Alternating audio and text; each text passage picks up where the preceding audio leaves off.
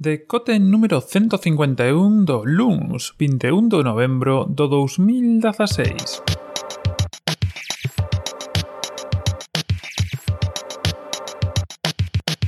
Bos días e benvidos a este novo decote. Hoxe imos falar dunha cousa un pouco personal que, bueno, eh, imos falar en concreto de Casey Neistat. Xa sei que falamos unha vez por aquí, pero esta vai ser a última, e ahora vos explico por qué.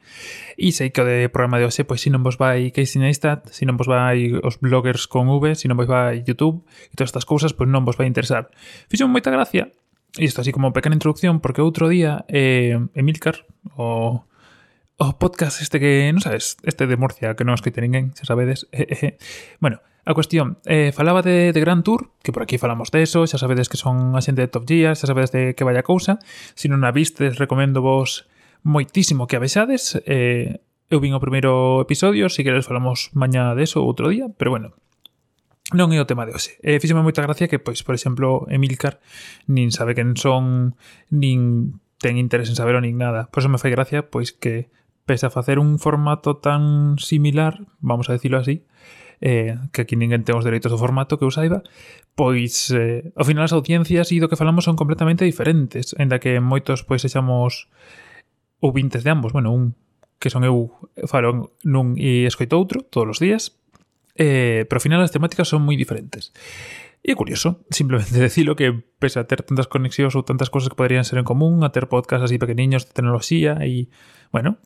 tratar temas, temas similares como cousas como supoñoidade, eh, que eso tamén ten que ver, e outros factores, pois, acaban determinando eh, a cousa. Dito isto, falamos de Casey Neistat de novo, eh, e por derradeira vez, porque eh, acaba co seu blog, despois de ano e medio, prácticamente, de subir blogs de forma diaria. Eh, pois blogs pequeniños, de 10 minutos máis ou menos de media, chega ao final. Parece moi interesante falar desto porque, bueno, para min é un, é un golpe, quero decir, unha,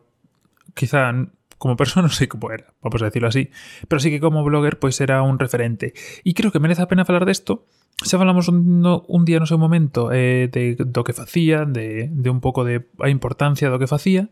e eu sí creo que é o momento de falar, agora que se ter, que xa rematou, eh, de todo o que vai deixar. Mais aló de, das súas gafas manchadas de blanco,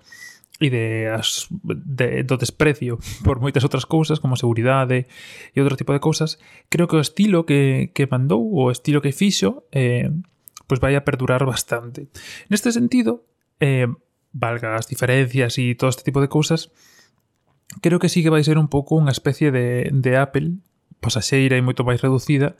pero de Apple eh, no seu ámbito. Quero decir, Apple non inventa nada, quero dicir, non inventou os portátiles máis finos, non inventou, non inventou os teléfonos con pantalla táctil, non inventou a maioría de cousas, pero sí que conseguiu que moitísima xente que non os coñecía os empezase a coñecer, que moitísima xente que non os coñecía os empezase a utilizar e eh, que se popularizase e mellorase a temas de calidade. E nese sentido, guste vos ou non, coñezadelo ou non, eh, Casey Neistat foi un pouco ese catalizador do mundo dos bloggers. O mundo dos bloggers ata non fai moito, e para moita xente sigue sendo así, se credes un día falamos dos bloggers, eu sigo uns cantos, eh, que fan este tipo de cousas, sigo uns cantos, pero ningún os vexo tanto como veía Casey Neistat, quero decir, hai unha diferencia aí. Eh, pois estaba bastante bastante afeito a unha forma de facer blogs que era moi plana, que era xente falando, eh, ou diante do ordenador ou pola rúa máis ou menos acarrando eles mesmos a cámara coa man e chegou unha persoa de Nova York que claro, tamén quero dicir, tiña un, unha bagaxe tremenda e demostrou que se podían facer as cousas de outra forma, con outro estilo, con outro ímpetu e introduciu que é un, un estilo propio que moita xente vai copiar. Mentre a xente vai copiar como xa está copiando. Por exemplo, hai cosas que estou seguro que se van a empezar a ver e que xa se ven moito, como é o tema de levar a cámara con un GorillaPod. Sabedes cales son os GorillaPod? Que son estes trípodes pequeniños feitos de boliñas articuladas que sirven para agarrar, pois idealmente, ou de principio estaban ideados para agarrar o trípode a diferentes, pois agarralo unha rama ou agarralo unha barandilla ou eh, agarralo a algún tipo de superficie el deulle unha volta a isto e fixo que servise para separar máis a cámara da cara, para que non parecese que tes o brazo aí aguantando como se for un trípode da cámara, sino que o brazo puidese ir máis relaxado,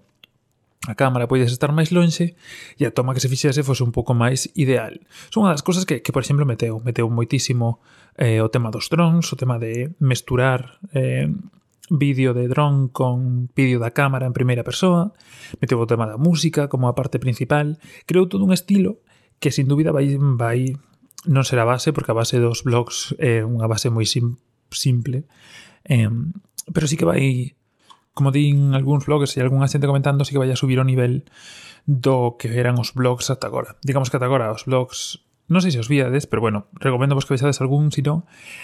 tiña unha base eh, moi, moi básica, non tiñan casi innovación, non tiñan casi diferencias de planos, non tiñan moitas cousas que gracias a Casey, gracias a este aniño medio que estivo entre nós facendo ese tipo de cousas, pois sí que se implantaron e sí que supuxeron pois un gran cambio. Deixou moitas cousas, ou deixa moitas cousas, parece que morreu, pero non morreu. Seguirá facendo vídeos, seguirá facendo cousiñas, eh, pero deixa moitas cousas moi interesantes. Eh, por exemplo, a nivel local, a nivel personal, a tamiña nai, que bueno, non é non é, un, non é o meu sector de idade, non é o meu sector de coñecementos tecnolóxicos, non é o meu sector de moitas cousas, acabou enganchando a él, pois polo que vos digo, pola filmografía que utilizaba, por as cousas que facía. Eh, moita xente que eso non ten relación co tema dos blogs, pois acabou enganchando. E a verdade é que Ora que acabou, ora que sabedes que eso, eu recomendaría moitísimo coller e empezar a ver, pois como se si fora unha serie que acabou, todos os blogs, dentro do principio, un aniño medio de blogs, que son pues eso, 600 blogs, 500 blogs, moi interesantes e eu creo que Home, tampouco creo que se vaya a estudar na escola de, de imaxe e son, pero sí que creo que, que senta unha base. Se si vos mola, recomendo vos moitísimo que veixades a serie que tiña antes na que fixo para HBO. HBO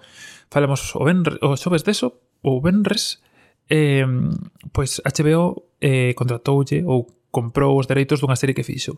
Realmente a serie, Ubina, era un pouco cutrosa, pero xusto ese mesmo formato pasado a YouTube resultou ser algo completamente, pois, eh, como se dice en inglés, game changing, que, que cambia as reglas do xogo. E un pouco o que o, que o traio ese aquí de novo. Eh, realmente, gustaríame moitísimo, e para min, Eh, creo que deberíades, polo menos, intentar botarlle un ollo, ver de que vai e, e alucinar un pouco. Eu creo que, ainda que só sexa polas tomas que fai de Nova York e desas cousas, eh, con dron, e un pouco tamén, hai que dicirlo, pasas a legislación por onde lle dá gana, pois consigue cousas bastante impresionantes. E, bueno, creo tamén un pouco un estilo ou unha forma de, de ver as cousas bastante peculiar, que eu creo que é a segunda parte pola que moita xente tamén se enganchou. Xa non só pola filmografía, por todos os recursos gráficos que utilizou para facer cada unha das dos blogs,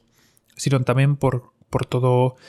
a idea que tiña detrás de eso. E gustaría empezar o, o podcast de hoxe un pouco coa idea que el ten e que eu creo que, que en algún momento bueno, non sei se nese sentido, pero sí que en algún momento pasará. Llegué el interpreta isto como, como a súa vida como pasar dun extremo da xungla a outro. Como que empeza a súa vida nun extremo e acaba no outro. E entende que para dar un paso máis, para coller a seguinte liana eh, que che leve ao seguinte reto, pois ten que soltar antes o que queda atrás. E un pouco que fai con isto. Deixa atrás o blog, algo que lle foi moi ben, con 5 millóns 700.000, 800.000 suscriptores que ten en YouTube, chegando, pois eso, en, en ano medio conseguí os 5 millóns de suscriptores, porque os outros 800.000, 700.000 xa os tiña de antes, e realmente demostrou moitas cosas a unha industria que moitas veces queda, pois, parece innovadora por, por estar en YouTube, por facer cousas, por subir vídeos, que, bueno, o vídeo non é un formato moi innovador, pero realmente quedalle moito por innovar. E son xente como Casey, xente como moitas outras persoas, seguro que, é dicir, tampouco temos que ir tan lonxe. Hai xente aquí que fai podcast que innovan, ainda que sigan sendo un podcast ou ainda que sexan cousas moito máis concretas, innovan da súa forma e suben o nivel, suben o nivel do podcast, suben o nivel do vídeo, suben o nivel de moitísimas cousas que facemos. E iso está moi ben e creo que deberíamos pois mirar ao noso redor e darnos conta de, de todo o que eso está aportando. E nada máis por ese, xa vos digo que se non vos iba o tema non vos iba a gustar, pero bueno, quería facer así unha pequena despedida e unha pequena reflexión antes de isto